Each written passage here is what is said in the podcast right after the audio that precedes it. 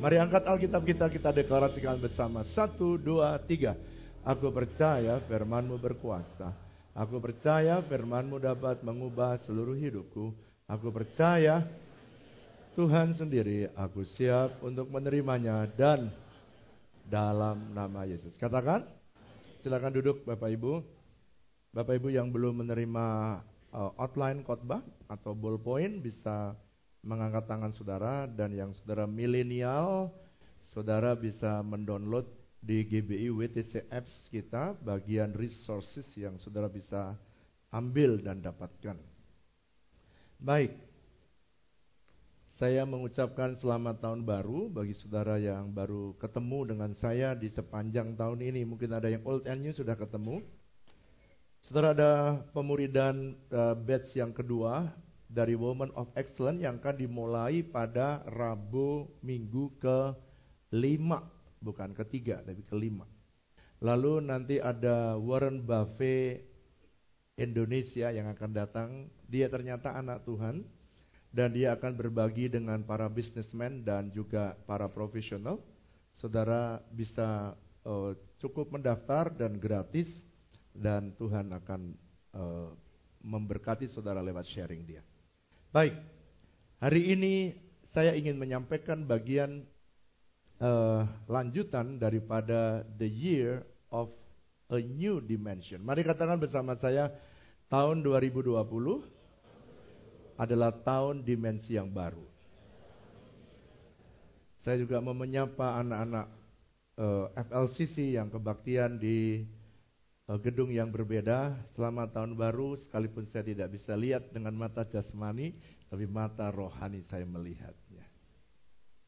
Baik, berarti kalau tahun dimensi yang baru berarti ada ukuran. Dimensi itu ukuran yang harus berbeda dari tahun lalu. Jadi tahun 2000 adalah tahun dimensi yang baru. Pak, misalnya ya, saya Misalnya saudara titik itu adalah satu dimensi. Kalau garis berarti dua dimensi. Kalau gedung ini berarti tiga dimensi. Kalau saudara pakai VR, saudara nonton, maka saudara pakai kacamata empat dimensi. Makanya kalau saudara lihat tiba-tiba ada buaya masuk, saudara kelihatannya mau nyaplok kita. Begitu kacamatanya dicopot, buayanya hilang. Itu semakin dimensi, perhatikan ya. Saya bisa menggambar tiga dimensi tetapi ada di platform dua dimensi. Misalnya gambar kubus. Tetapi berbeda kalau saudara real ada di tiga dimensi. Dimensi yang semakin tinggi, saudara bisa menikmati lebih baik. Yang amin cuma dua. Saya mau saudara tetap antusias. Saya mau tetap saudara agresif. Sekalipun saya tidak sudah tidak ketemu saudara selama satu tahun. Dari 2019 baru ketemu tahun 2020. Ada seorang hamba Tuhan namanya Morris Cerulo. Dia berkata begini, truth is parallel. Mungkin di tempat saudara nggak ada. Artinya gini, apa yang Anda lihat di dalam alam jasmani itu adalah refleksi dari apa yang terjadi di alam rohani. Jadi kalau saudara melihat sebuah percepatan kecepatan yang begitu cepat di dalam alam jasmani, saudara sebenarnya di dalam alam rohani, gereja, saudara dan saya harus bergerak cepat mengikuti Tuhan, sebab Tuhan juga bergerak pada dimensi yang baru. Yang ngerti katakan. Mari katakan bersama saya, kebenaran itu paralel. Artinya, artinya kalau saya melihat percepatan di dalam alam dalam dalam dunia, saya melihat juga percepatan di dalam alam roh. Sekarang saya lihat di alam jasmani dulu ya. Kalau dulu pada waktu saudara mengenal telepon tahun 1980, kita pegang handphone pertama kali kalau saya masih ingat. Dulunya biasanya pakai kabel, sekarang nggak pakai kabel, begitu bangga. 1G atau first generation atau disebut 1G itu mereka hanya bisa voice. Lalu kemudian 2G masuk tahun 1990. Itu dia voice and text. Kalau saudara masih ingat dulu ada namanya pager. Saudara masih ingat nggak dulu pager? Siapa coba yang masih ingat dulu pernah pegang pager? Angkat tangan. Nah itu tua berarti. Iya sama sama saya, maksudnya generasi tua. Kalau yang muda, dia apa itu pak? Gitu. Jadi yang angkat tangan berarti sudah Karena dulu waktu kalau kita kerja di jalan bisa dipanggil tweet tweet tweet tweet tweet kita buka, tapi nggak bisa apa-apa, teks. Lalu kemudian mulai masuk 3G. 3G itu tahun 2000 dia mulai masuk voice, text, and picture. Jadi bagus kalau kirim foto, tapi video lemot. Saudara download pagi hari, sore hari baru masuk, saudara. Kalau sore hari ngirim video, maka datangnya besok paginya. Dan ini uh, saudara dan saya alami. Tetapi begitu berubah 4G, berubah kemudian saudara mulai kecepatannya bukan mega tapi giga. Sehingga saudara bisa transfer data dengan begitu cepat. Saya ini lagi bicara analogi, saya harap saudara mengerti. Saya kenapa? Karena truth is parallel. Kebenaran itu paralel. Kalau saudara melihat pergerakan yang begitu cepat di dalam alam jasmani, di dalam alam roh, Tuhan sedang menginginkan saudara mengalami perubahan secara rohani secara cepat. Yang mau katakan. Tetapi adik saya, saya tanya. Kenapa sih 5G belum masuk ke Indonesia? Dia terangkan kepada saya. Kenapa di Dubai sudah 5G? Kemarin saya ke Israel sudah menikmati 5G. Kenapa di China sudah 5G, kenapa Indonesia belum 5G? Sebab 5G itu dia tidak akan lagi menggunakan infrastruktur yang ada di Telkom yang sudah ratusan triliun diinvest. Adik saya bagian transmisi, dia orang kedua yang ngurusin orang kedua di Telkom yang ngurusin jaringan. Yang satu manajemen, yang dia ngurusin jaringan. Waktu saya tanya kenapa? Karena dia nanti nir kabel dan dia cukup menggunakan balon kata dia. Dan itu bisa mengcover seluruh dunia. Saudara ya, nanti saudara uh, duduk di bawah pohon krokot pun. Wifi bisa saudara nikmati. Di bawah pohon rindang saudara bisa menikmati wifi. Lalu saya tanya, kenapa kok nggak bisa datang 5G? Karena 5G kalau sampai datang ke Indonesia tanpa regulasi jelas, maka semua operator akan mati. Perhatikan. Jadi kecepatan ini bisa menyebabkan disruption yang begitu cepat di alam jasmani. Makanya jangan heran 4G saja sudah begitu banyak perubahan pekerjaan yang dulu ada sekarang tidak ada. Saudara, saudara kalau lihat di mall-mall sekarang sudah sepi sekali. Lalu kemudian saudara kalau lihat perbankan ke depan sudah anda perbankan, saudara yang kerja di perbankan saya sudah ingatkan tiga empat kali ini. Saudara mesti mempersiapkan diri untuk mencari pekerjaan yang lain. Sebab pekerjaan itu sebentar lagi akan diserap dan akan hilang. Lalu kemudian saudara yang kerja di apotik, saudara yang kerja sekarang, saudara tidak ada lagi. Karena apa? Teknologinya begitu cepat. Dan saudara nanti akan ada 40 pekerjaan yang baru yang hari ini tidak ada. So, di dalam dimensi baru Anda mesti dengarkan hari ini baik-baik. Apa yang Tuhan mau saudara saya kerjakan. Di 5G, nirkabel kecepatan industri makin cepat, kemudian dirancang untuk konektivitas begitu luar biasa sampai kecepatan 10 gigabyte per second. Sekarang, apa artinya? Lihat saya ke depan. Dari 2G atau 2G sampai ke 5G, semakin tinggi generasi, semakin cepat mengakses. Nomor dua, semakin besar dia bisa download, dan hasil semakin baik. Saya ulangi ya, dengan naiknya teknologi, saudara bisa mengakses lebih cepat, saudara bisa mendownload dalam jumlah yang lebih besar, dan saudara menerima hasil yang lebih baik. Sekarang saya mau masuk ke dalam itu analogi hal yang terjadi dalam dunia. Bagaimana yang terjadi di dalam alam jasmani? Dalam 2 Korintus pasal 3 ayat 18.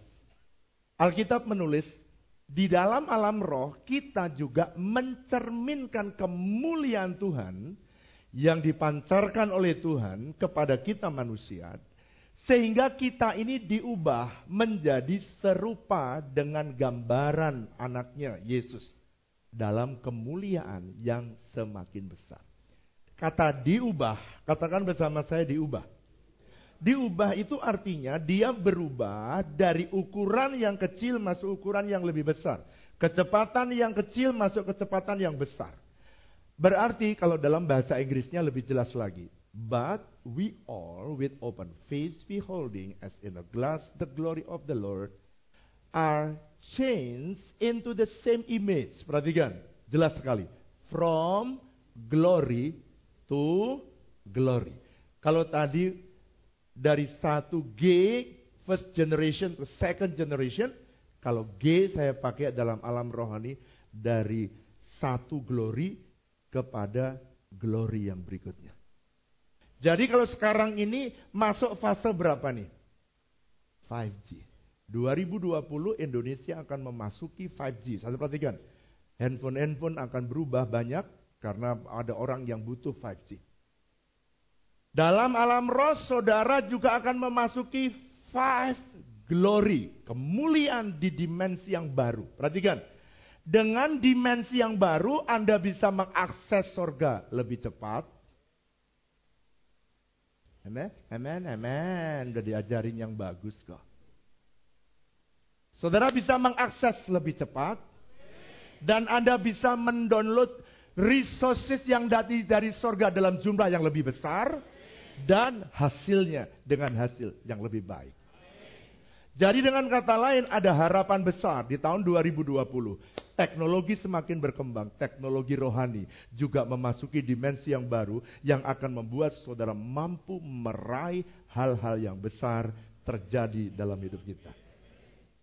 Nah, sekarang jadi saya simpulkan dari statement saya. Ketika saudara dan saya memasuki dimensi kemuliaan yang semakin besar, kita akan memasuki atau kita akan menjadi jauh lebih mudah, lebih cepat, dan lebih besar dengan hasil yang lebih baik, sehingga pelayanan kita ke depan akan jauh lebih excellent.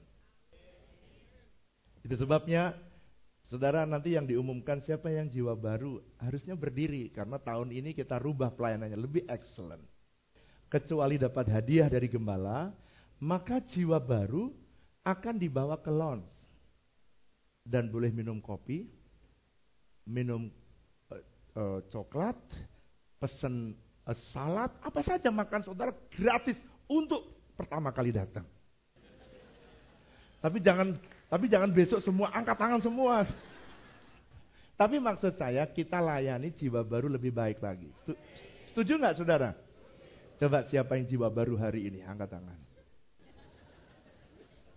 Enggak, yang tadi loh, yang tadi angkat tangan. Mana? Boleh angkat tangan? Tinggi-tinggi, jangan malu dong. Mana tadi? Angkat tangannya kok nggak kelihatan? Pak, boleh nggak masuk launch jiwa baru? Boleh, tapi pinter ya. Ah, sekarang saya mau kalau anak-anak jiwa baru dikasih apa? Tahun 2020 baru excellent pelayanan kita.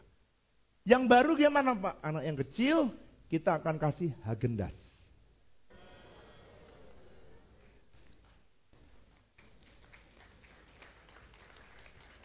Jadi yang bawa jiwa baru kita kasih Hagendas juga. Karena kita bisa mendownload dari surga dalam jumlah yang besar. Kata kita bisa merasakan pelayanan yang lebih excellent. Saya berdoa supaya saudara pelayananmu dan pekerjaanmu, bisnismu juga bisa melayani orang lebih excellent. Pak, apa sih artinya glory di tempatmu nggak ada? Glory dalam bahasa Ibrani namanya kabot bahasa Yunani atau Greka namanya doxa, itu punya arti gini, megah. Jadi kalau saudara masuk dimensi baru artinya Pak apa sih kemuliaan? Kemuliaan itu adalah hadirat Tuhan dalam dimensi yang lebih berat, kabot. Jadi hadirat Tuhan adalah kekuatan kita di tahun 2020 ini.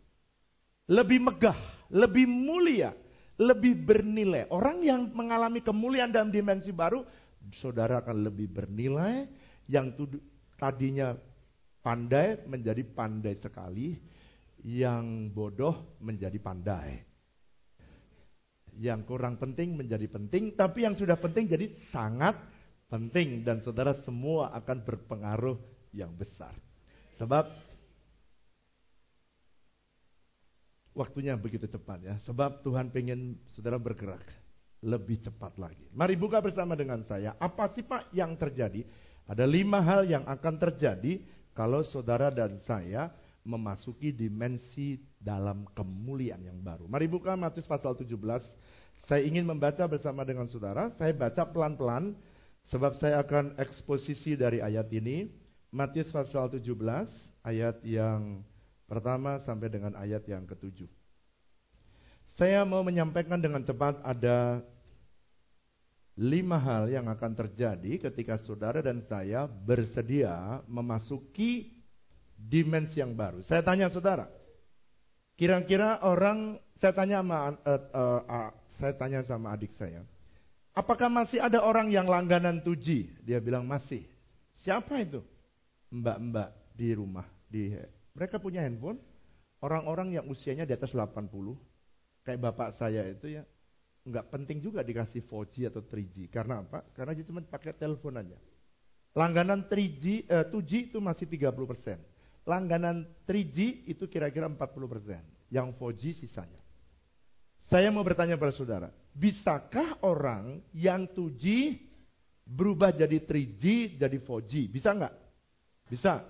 Saya tanya, bisa nggak orang mau tetap aja di 2G walaupun sudah era 4G tapi tetap dia ada di 2G? Bisa, tadi saya bilang langganannya. Saudara di dalam rohani juga sama. Saudara bisa memilih stay in the same state. Tinggal di dimensi yang lama bisa. Tapi kalau saya boleh sebagai gembala minta, saya minta supaya Anda migrasi semua. Saudara tidak ada yang stay pada dimensi kemuliaan yang lama, tapi masuki dimensi kemuliaan yang kelima, supaya Anda bisa mengakses sorga lebih cepat, Anda bisa menerima lebih banyak, dan Anda bisa melihat hasil yang lebih baik. Yang mengerti katakan amin. Sekarang mari baca yang pertama, apa yang terjadi ketika kemuliaan saudara pindah? Ayat yang pertama, ini saya dapatkan ketika saya ada di tanah perjanjian dan Tuhan menyampaikan ini ada lima hal yang akan kamu lihat di tahun 2020 kalau kamu memasuki dimensi yang baru. Enam hari kemudian, saya pertama, saudara kedua. Enam hari kemudian, Yesus membawa Petrus, Yakobus, dan Yohanes, tiga orang. Dan bersama-sama dengan mereka, ia naik ke sebuah gunung yang tinggi. Di situ mereka sendiri saja. Ayat 2, 1, 2, 3.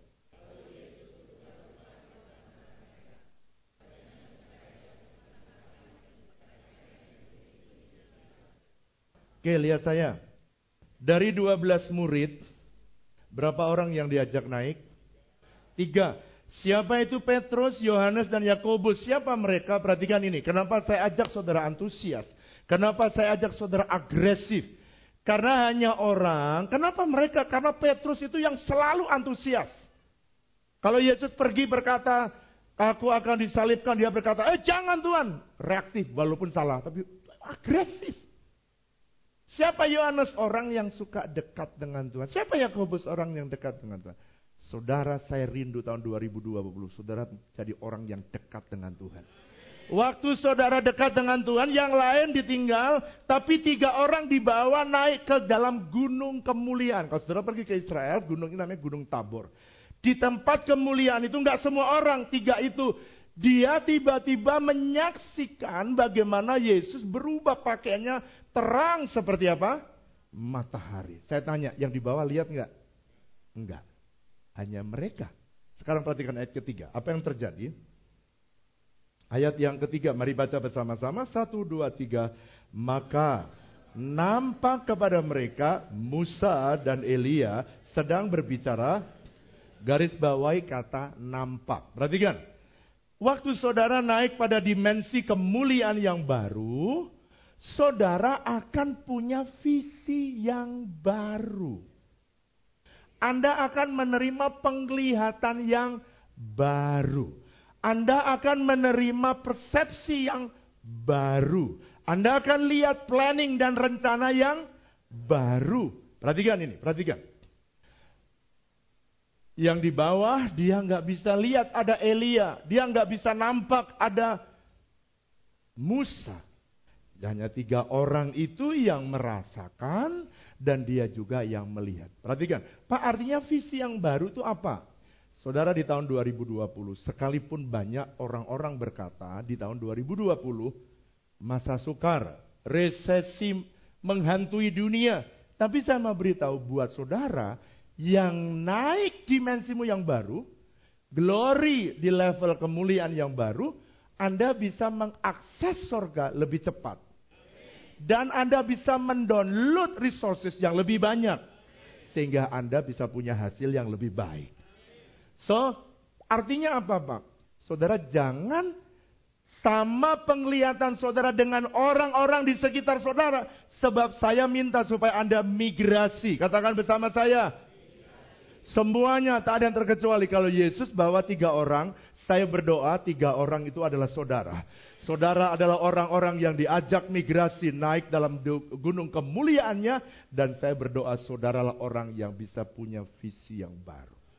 Pak artinya visi yang baru itu saudara menerima cara Tuhan melihat setiap kejadian masalah yang terjadi dalam bisnis, keluarga, dan pelayanan kita. Anda tuh punya persepsi seperti Tuhan melihat. Kenapa tiga orang itu melihat? Karena itu yang terjadi serius sebenarnya. Yang tiga orang itulah mereka yang lihat ada Elia, yang lihat ada Musa. Dia yang lihat pakaian Yesus berubah jadi bercahaya hanya dia. Sekarang perhatikan. Pak apa sih maknanya di dalam hidup saya, aplikasinya dalam hidup saya sehari-hari. Sekarang perhatikan. Saya mulai terlebih dahulu contoh-contoh penglihatan yang salah yang mengakibatkan result yang salah. Contoh. Oh sorry. Saya akan ada satu ayat di dalam uh, mengenai visi yaitu di dalam Amsal pasal 29 ayat 18. Tapi saya ambil dari Alkitab The Message. Dia bagus kalimatnya begini. If people cannot see what God is doing, kalau orang tidak bisa melihat cara Tuhan bekerja, cara Tuhan melihat dalam menyelesaikan persoalan yang saudara hadapi, they stumble all over themselves. Dia akan konflik, dia akan dia akan bingung, dia akan terus ada dalam persoalan. But when they attend to what he revealed, they are most blessed. Tetapi kalau dia bisa melihat seperti Tuhan melihat, dia bisa merasakan seperti Tuhan merasakan, maka apa yang Tuhan nyatakan kepada dia, dia bisa tangkap, maka dia akan menjadi orang yang sangat diberkati. Jadi bukan terletak pada persoalan besar atau kecilnya yang sudah hadapi tahun 2020, tapi kemampuan saudara melihat dari persepsinya Tuhan. Dan orang yang naik dalam dimensi baru, saudara akan melihat dengan kacamatanya Tuhan. Dan kacamata Tuhan membuat saudara diberkati. Saya beri contoh dalam Alkitab, baru nanti kita belajar aplikasi. Di dalam Alkitab ada contoh-contoh penglihatan yang salah. Nomor satu, dalam kejadian pasal 13 ayat 10, satu hari Lot dan Abraham, dia diberkati oleh Tuhan. Lalu Abraham berkata gini kepada Lot, kamu pilih, kalau kamu ke kanan, aku ke kiri. Kalau kamu ke kiri, aku ke kanan. Lalu Lot melihat, perhatikan, ayat 10. Lalu Lot melihat tanah Sodom dan Gomora. Perhatikan ya. Seperti taman Tuhan dan taman Mesir. Ini. Orang yang penglihatannya salah, Sodom dan Gomora kok bisa tanah Mesir itu lambang perbudakan, taman Tuhan itu Eden, tempat orang diberkati. Jauh sekali. penglihatan yang salah bisa mengakibatkan hasil yang salah. Pak, bagaimana? Lihat, akhir dari cerita. Akhir dari cerita, Sodom dan Gomora jadi apa? Ditunggang langgangkan oleh Tuhan, dihancurkan karena dia melihat itu seperti tanah Mesir dan taman Tuhan. Taman Mesir ya Mesir, hancur ya hancur, rusak ya rusak, perbudakan perbudakan, dosa ya dosa. Jangan pernah kompromi di tahun 2020. Kalau Tuhan melihat itu salah, jangan pernah kau lakukan. Kalau Tuhan melihat itu dosa, jangan pernah kau kerjakan.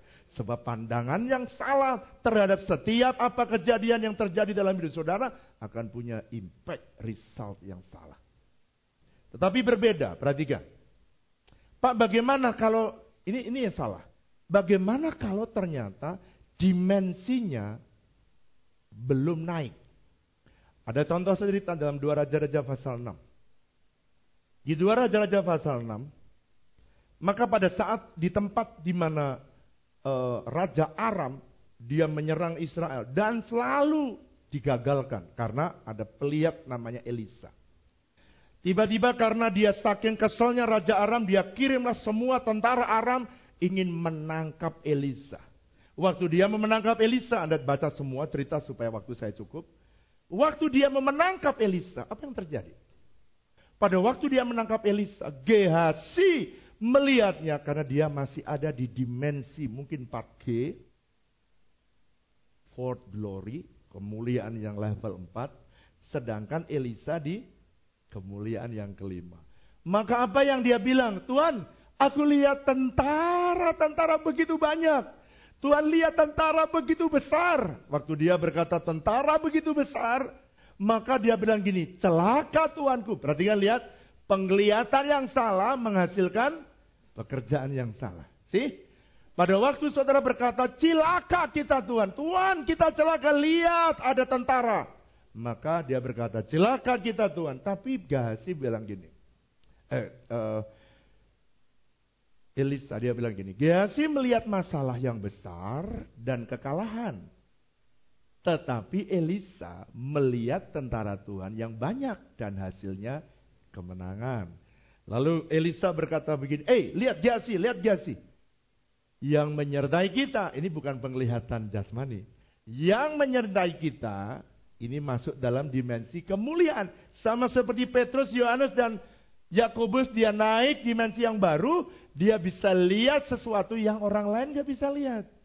Saya berdoa supaya semua saudara tidak ada terkecuali, yang muda dan yang tua, semua migrasi masuk dimensi yang baru. Lalu kemudian apa yang dilakukan Elisa? Gimana caranya supaya El, uh, Gehasi bisa lihat sama seperti uh, Elisa melihat? Dia berdoa, Tuhan, buka dong matanya supaya dia masuk dimensi kemuliaan yang baru. Waktu Gehasi dibuka, Wow, dia lihat ternyata tentara yang menyertai kita jauh lebih banyak daripada tentara musuh. Maka dia berkata, kita aman. Dan saudara lihat ke depan. Saudara akan lihat penglihatan saudara menentukan Anda berhasil besar atau berhasil kecil atau kekalahan tergantung dari penglihatan kita. Mari katakan bersama saya, kalau saya melihat seperti Tuhan melihat, maka saya akan mendapat yang lebih besar, yang lebih baik, dan kemenangan. Dan saudara yang menentukan. Jadi dengan kata lain, dengan kata lain ketika Tuhan mulai membuka mata daripada Gehasi, maka saat itulah Gehasi matanya terbuka. Dan tahun ini saya mau beritahu, orang lain bisa berkata, ini ada masalah. Tapi bagimu ketika Tuhan berkata, setiap kali kayak seperti orang Chinese, setiap kali ada persoalan WG, kata krisis itu WG, dangerous opportunity. Setiap kali ada kesulitan, selalu ada kesempatan. Setiap kali ada krisis, selalu ada kesempatan. Dan saya berdoa, tahun 2020, saudara bisa melihat peluang yang baru. Saudara bisa melihat orang lain tidak bisa lihat. Tapi saudara bisa lihat tiba-tiba ada peluang bisnis yang baru. Dan tiba-tiba orang lain bisa melihat saudara. Dan saudara lari karena ada tangan Tuhan yang menolong hidup saudara. Dan saudara diberkati sepanjang tahun 2020. Tepuk tangan yang meriah buat Allah kita.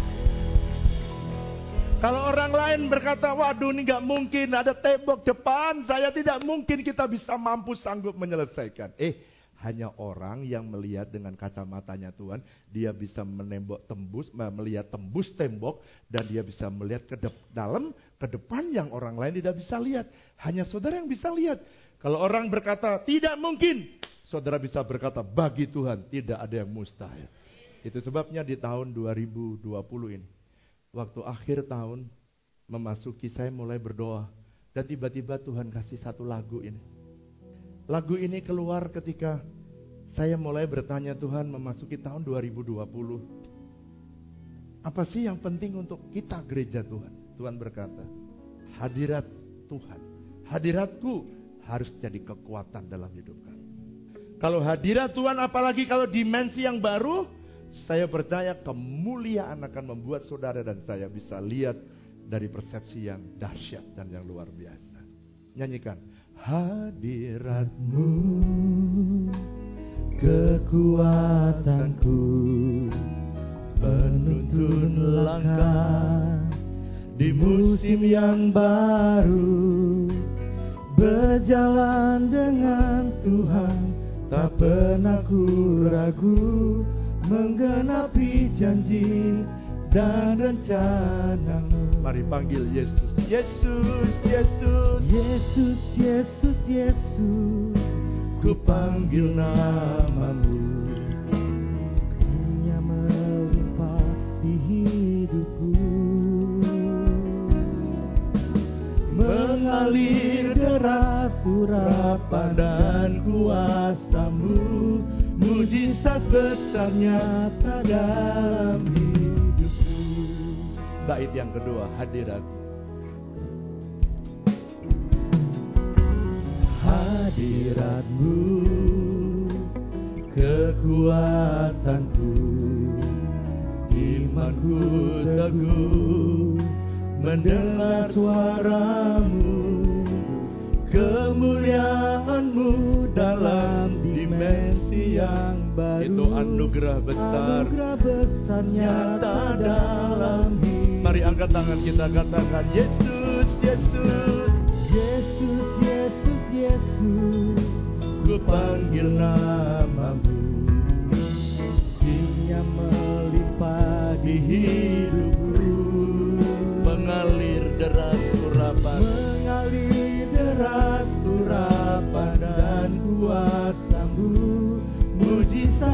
Besar nyata dalam perkara besar, perkara besar nyata dalam hidupku. Mujizat besar, mujizat besar nyata dalam hidupku. Mari katakan bersama saya dalam era kemuliaan yang baru akan ada perkara besar, ada mujizat besar, terjadi dalam hidup saya. Yang kedua, mari baca Matius pasal 17. Yang kedua, apa yang terjadi ketika saudara dan saya mulai memasuki dan merelakan dirimu spend waktu dengan Tuhan, spend waktu banyak baca firman, merenungkan firman, mendekat dengan agresif dan rindu berjumpa dengan Tuhan, saudara akan memasuki dimensi yang baru. Lalu mari baca ayat yang kelima dengan suara keras. Yang kelima. Nanti satu ayat, satu ayat, tetapi saya baca ayat yang kelima dulu. Mari baca. Satu, dua, tiga. Dan tiba-tiba sedang ia berkata-kata, turunlah awan yang terang menaungi mereka. Dan dari dalam awan itu terdengar suara yang berkata, inilah anakku yang kukasih, kepadanya lah aku. Tolong garis bawahi, ketika dia ada di atas gunung kemuliaan, yang lain tidak mendengar suara, tapi bertiga itu dia terdengar suara. Berarti yang kedua, kalau saudara naik dimensi kemuliaan saudara, di gunung kemuliaan yang lebih tinggi, kalau di bawah nggak kelihatan. Tapi di dimensi saudara akan mendengar suara Tuhan yang akan mengarahkan kita dengan akurat. Wow, saya berdoa, saudara akan mengarahkan, akan diarahkan Tuhan sehingga saudara bisa berhasil. Makanya saudara ke depan, Pak, apakah ada janji Tuhan bahwa semua kita bisa mendengar? Oh ya, itu sebabnya saya minta saudara migrasi. Bilang sama saya. Coba ngomong kanan kiri kamu harus migrasi gitu. Kalau di dalam dunia tadi 5G, G-nya adalah fifth generation, kita 5G-nya 5G glory. Fifth glory. Kemuliaan dimensi yang kelima. Saya pakai yang paralel aja. Di mana ayatnya Pak? Yohanes pasal 10 ayat 28 berkata, semua orang percaya, semua domba-dombaku bisa mendengar suaraku. Dan tahun ini Tuhan janji, saya akan rilis sama seperti Elisa. Saya bilang sama Tuhan, Tuhan, sama seperti Elisa, dia bisa berdoa untuk Gehasi, dan Gehasi bisa lihat sama seperti Elisa lihat. Lalu kemudian saya minta supaya ketika saya berdoa hari ini, saya akan rilis supaya saudara bisa melihat sama seperti saya melihat. Saya berdoa supaya saudara kuat sama seperti saya kuat. Pak, dari mana saya bisa mendengar suara Tuhan? Ada tiga hal atau tiga. Mungkin di tempatmu tidak ada, tapi untuk menolong saudara supaya saya nggak usah tulis. Nomor satu, mendengar suara Tuhan, saudara melalui Anda dan saya merenungkan Bukan cuma membaca, merenungkan firman Tuhan. Dan tiba-tiba Anda menerima rema. Dua, saudara Tuhan bisa berbicara kepada saudara melalui mimpi yang datangnya dari Tuhan. Dan yang ketiga, Tuhan kadang-kadang bicara melalui keadaan yang kita hadapi dan hikmat Tuhan turun tiba-tiba. Kemarin di doa fajar saya berbicara kenapa kita perlu membaca Alkitab. Salah satunya supaya saudara cerdas. Alkitab, nanti sudah baca Amsal pasal 1. Kenapa kita perlu baca Amsal? Supaya Anda cerdas. Bilang sama saya cerdas. Tapi cerdasnya bukan ilmu pengetahuan, tapi cerdas menyelesaikan persoalan sesuai dengan caranya Tuhan. Saya sekarang saya cerita ya. Uh, mungkin saya beri contoh supaya saudara gereja kita nih berdoa Empat janji Tuhan saya pampang di kanan dan kiri, berulang-ulang kita doakan supaya janji Tuhan jadi kenyataan. Waktu itu kita de deklarasikan 8 tahun yang lalu. Nation shall. Sekarang English service sudah mulai besar. Sekarang berapa rata-rata, Fran? 80? 90 sekarang. Saya dengar nanti hari ini akan jiwa, ada jiwa baru lagi yang datang dari Afghanistan. Sekarang banyak yang dari Afghanistan. Tantan gitulah. Iran, Uzbekistan, Afghanistan, dan tantan yang lain. Uh, ya, banyak jiwa-jiwa baru. King shall come, it's already. Son and daughters will come. Tapi pada waktu kita mulai berdoa, riches of the nations shall come. Saya berdoa, Tuhan mana janji yang keempat?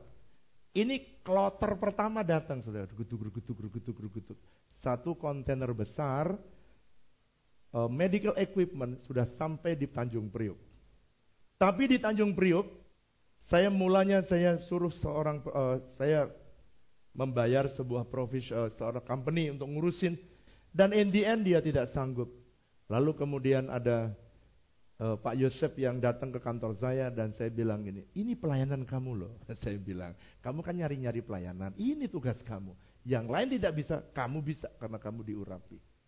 Lalu saya berdoa buat dia dan diuruslah. Diurus, urus, urus, urus, urus sampai saya mencari pertolongan. Saudara, saya berusaha. Berusaha boleh apa tidak? Boleh. Saya tidak mengandalkan manusia, tapi saya berusaha. Waktu saya berusaha, saya mulai dari minta tolong ya, mulai dari teman sampai uh, dirjen, sampai menteri, sampai anggota DPR, semua sampai pendeta, semua ada kira-kira 35 orang yang saya telepon untuk menolong. Dan mereka berkata, yang menteri saya tolong minta tolong, yang kenal menteri, menterinya bilang, ya kalau dirjen mah di bawah saya, saya nggak mau, ya ampun. Lalu ada anggota DPR yang ngurusin dinas kesehatan. Nah, saya pikir bagus. Ternyata dia bilang begini. Boro-boro donasi untuk yayasan. Itu loh. Barangnya Ibu Megawati aja. nggak bisa datang. Gak bisa turun. Lalu saya tanya. Kenapa? Iya itu Bu Megawati nggak turun. Tapi Pak Yosef yang sudah ditumpangi tangan. Dia tidak tidak dia, dia menyerah, tidak menyerah. Dia bilang gini malah, Pak, iya Pak, kalau punya Ibu Megawati, emang nggak bisa Pak. Tapi ini kan barangnya Tuhan Yesus. Oh. Ini dimensi baru. Yang amin cuma dua orang. Itu saya dengar kalimat ini bukan dari saya, dari Pak Yosef. Dari anak saya. Hmm, bangga sekali saya. Wih. Saya bilang gini, amin. Sok kerjakan. Begitu sudah sampai, sudah dikerjakan, dia harus mendapatkan surat rekomendasi dari Dirjen Pelayanan Kesehatan, Dirjen Yankes. Namanya Dr. Bambang Wibowo. Kenapa saya apal? Karena saya doakan tiap hari. Gak keluar-keluar saudara. Gak keluar-keluar. Gak keluar-keluar. Sampai akhirnya Pak Yosef berkata begini, Pak. Waduh, Bagaimana kalau saya shipment aja Pak? Shipment back. Maksudnya gimana? Ya shipment balik. Ke mana? Ke Amerika. Loh, kok ke Amerika kamu balikin? Iya Pak, ini demorage-nya besar sekali Pak kalau enggak. Saya bilang jangan. Kenapa Pak jangan? Tunggu, tunggu dulu. Kenapa sih Bapak kok ngotot? Saya bilang, saya bukan barangnya. Saya sedang menanti janji yang keempat datang. Anda perhatikan, cara saudara memandang persoalan harus sama seperti Tuhan melihat persoalan. Janji Tuhan tidak pernah diraih dengan mudah. Semua janji Tuhan harus diraih dengan kesungguhan iman yang teguh. Lalu kemudian saya berdoa, stop stop sebentar Pak Yosef sebentar ya. Lalu tiba-tiba saya di Israel lagi mimpin rombongan. Tiba-tiba malam itu saya bermimpi jam 2 sampai jam 3. Saya bermimpi ada satu orang datang kepada saya, lalu dia bilang, saya tidak tahu namanya dia, tapi dia bilang, Pak, saya mau laporan. Saya tanya dia, kamu siapa? Lalu dalam mimpi itu, mimpi ya ini ya. Saya adalah timnya Pak Yosef yang uh, disuruh untuk mengurus rekomendasi Yankes Dr. Wibowo. Oke, sudah keluar. Nih Pak udah keluar. Dalam mimpi tapi ya. Ini udah keluar Pak. Lalu kemudian kalau sudah keluar, keluarkan semua itu uh, kontainer. Kemudian orang itu berkata, baik pak, saya akan selesaikan dengan seksama dan dalam tempo yang sesingkat-singkat. Tapi saya bangun ternyata masih dalam anda perhatikan ya, ke depan saudara, di tahun 2020 Anda akan dibawa Tuhan naik dan setiap Anda melihat kejadian-kejadian Anda tidak tahu, Tuhan bisa membawa saudara terima rema, terima mimpi, terima hikmat, yang datang dari Tuhan. Lalu saya bilang sama Pak Yosef pagi-pagi di Israel pas dia ikut juga. Pak Yosef, saya mimpi kayak begini. Langsung dia telepon sama anak buahnya disuruh ini. Eh, benar suratnya udah datang. Wah, ditolak Pak. See, apa yang terjadi di sorga belum nyata di muka bumi, tapi ingat, kita kan 5G. Dia kan 2G. Kita semua sudah mereka masih Lalu saya bilang Tuhan, saya bilang gini Tuhan, kau sudah kasih tahu. Saya bilang Pak Yosef, tunggu. Ini kita dimensi baru. Tunggu tanggal mainnya. Dan supaya cepat. Anggotanya Pak Yosef ini ternyata ada salah satu dari saudara jemaat datang kepada saya, Pak, saya pengen ikut mengurus izin. Namanya Ibu Dina. Tim bersama dengan Pak Yosef. Tiba-tiba katakan bersama saya, kurang keras surat rekomendasi Yankes keluar. Keluarkan dong media. Bawahnya Dokter Wibowo keluarin itu yang saya doakan. Ini dia saudara. Rekomendasi Dokter Bambang Wibowo keluar. Ajaib. Bilang sama saya, kurang keras. Yang kedua, begitu keluar saya bilang selesaikan bisa keluar. Ternyata dia bilang gak bisa pak, harus masuk sistem namanya SAS. Waduh, Nunggu lagi, nunggu lagi Pak. Masukin. Saya tanya, fail. Masuk lagi, fail. Masuk lagi, fail. 22 kali. Oh Tuhan, sudah ada, masih juga. Tapi, bilang sama saya, tiba-tiba. Karena Tuhan sudah beritahu, keluar, ya keluar. Kalau Tuhan udah beritahu, makanya tahun 2020 Anda mesti menerima penglihatan yang datangnya dari Tuhan. Cara memandang dari persepsi Tuhan. Ketika saya beritahu, Pak Yosef dan tim Ibu Dina dan tim seluruhnya bergerak bersama-sama. Tiba-tiba, ya orang keras, SK dari SAS keluar juga. Media keluarin. Tepuk tangan dong. jadi, jadi dia bilang gini Pak, ini hari ini saya keluarin gimana? Eh stop, stop kata kata tim ini. Stop Pak. Hari ini saya minta tak sabar aja Januari kasih waktu saya. Oke? Okay? Apa yang kamu lakukan? Saya mau audien, audiensi dengan Menteri Kesehatan. Karena dia anak Tuhan. Siapa tahu ada mujizat yang lain. Oh iya boleh, boleh. Benar bisa keluar sudah Desember lalu. Tapi belum bisa kita keluar, belum kita keluarkan karena satu audiensi. Saya tanya, kalau satu keluar, dua keluar, bisakah yang lain keluar? Hal yang sama saya bernubuat tahun 2020 Anda akan lihat mujizat-mujizat yang dahsyat, yang besar, yang belum pernah Anda lihat, akan Anda lihat. Dan ini akibatnya kenapa saya begitu ngotot, karena saya meyakini ini yang akan terjadi. Dengarkan ini. Sebab beberapa di antaramu sudah mulai mengalami, dan saya harus beritahu saudara, ini adalah tahap pertama. Saudara kalau melahirkan pertama itu perlu ibu mertua datang, ibumu datang waktu melahirkan pertama. Betul apa betul? Tapi waktu kelahiran kedua, ibu mendatang enggak? Enggak, kenapa? Udah bisa brojol sendiri. Tuhan bilang sama saya gini, ini pertama kamu kayak ngeden, kamu kayak berat sekali. Iya, kelahiran pertama. Sebentar lagi Tuhan bilang, anak-anakmu, ini kata Tuhan, anak-anakmu yang akan mengalami transfer kekayaan, harta bangsa-bangsa akan mengalir ke rumah Tuhan. Tepuk tangan yang luar biasa, saudara yang akan mengalami Tahap satu ini gereja, yayasan, RIS yang dapat. Selanjutnya, lambat, lambat, lambat, lambat. 5G harusnya cepat. Saudara kalau saya bisa khotbah lebih cepat, saudara bisa dapat lebih banyak. Tapi kurang cepat. Ini mah 4G apa 5G sih ini sebenarnya. Tahap awal, RIS yang dapat, gereja yang dapat. Tapi tahap berikutnya, Kenapa nggak dari tadi? Makanya saya minta Anda migrasi ke dimensi yang baru. Saya mau beritahu, ada kemarin ada orang yang datang. Nanti kesaksian saya cerita berikutnya.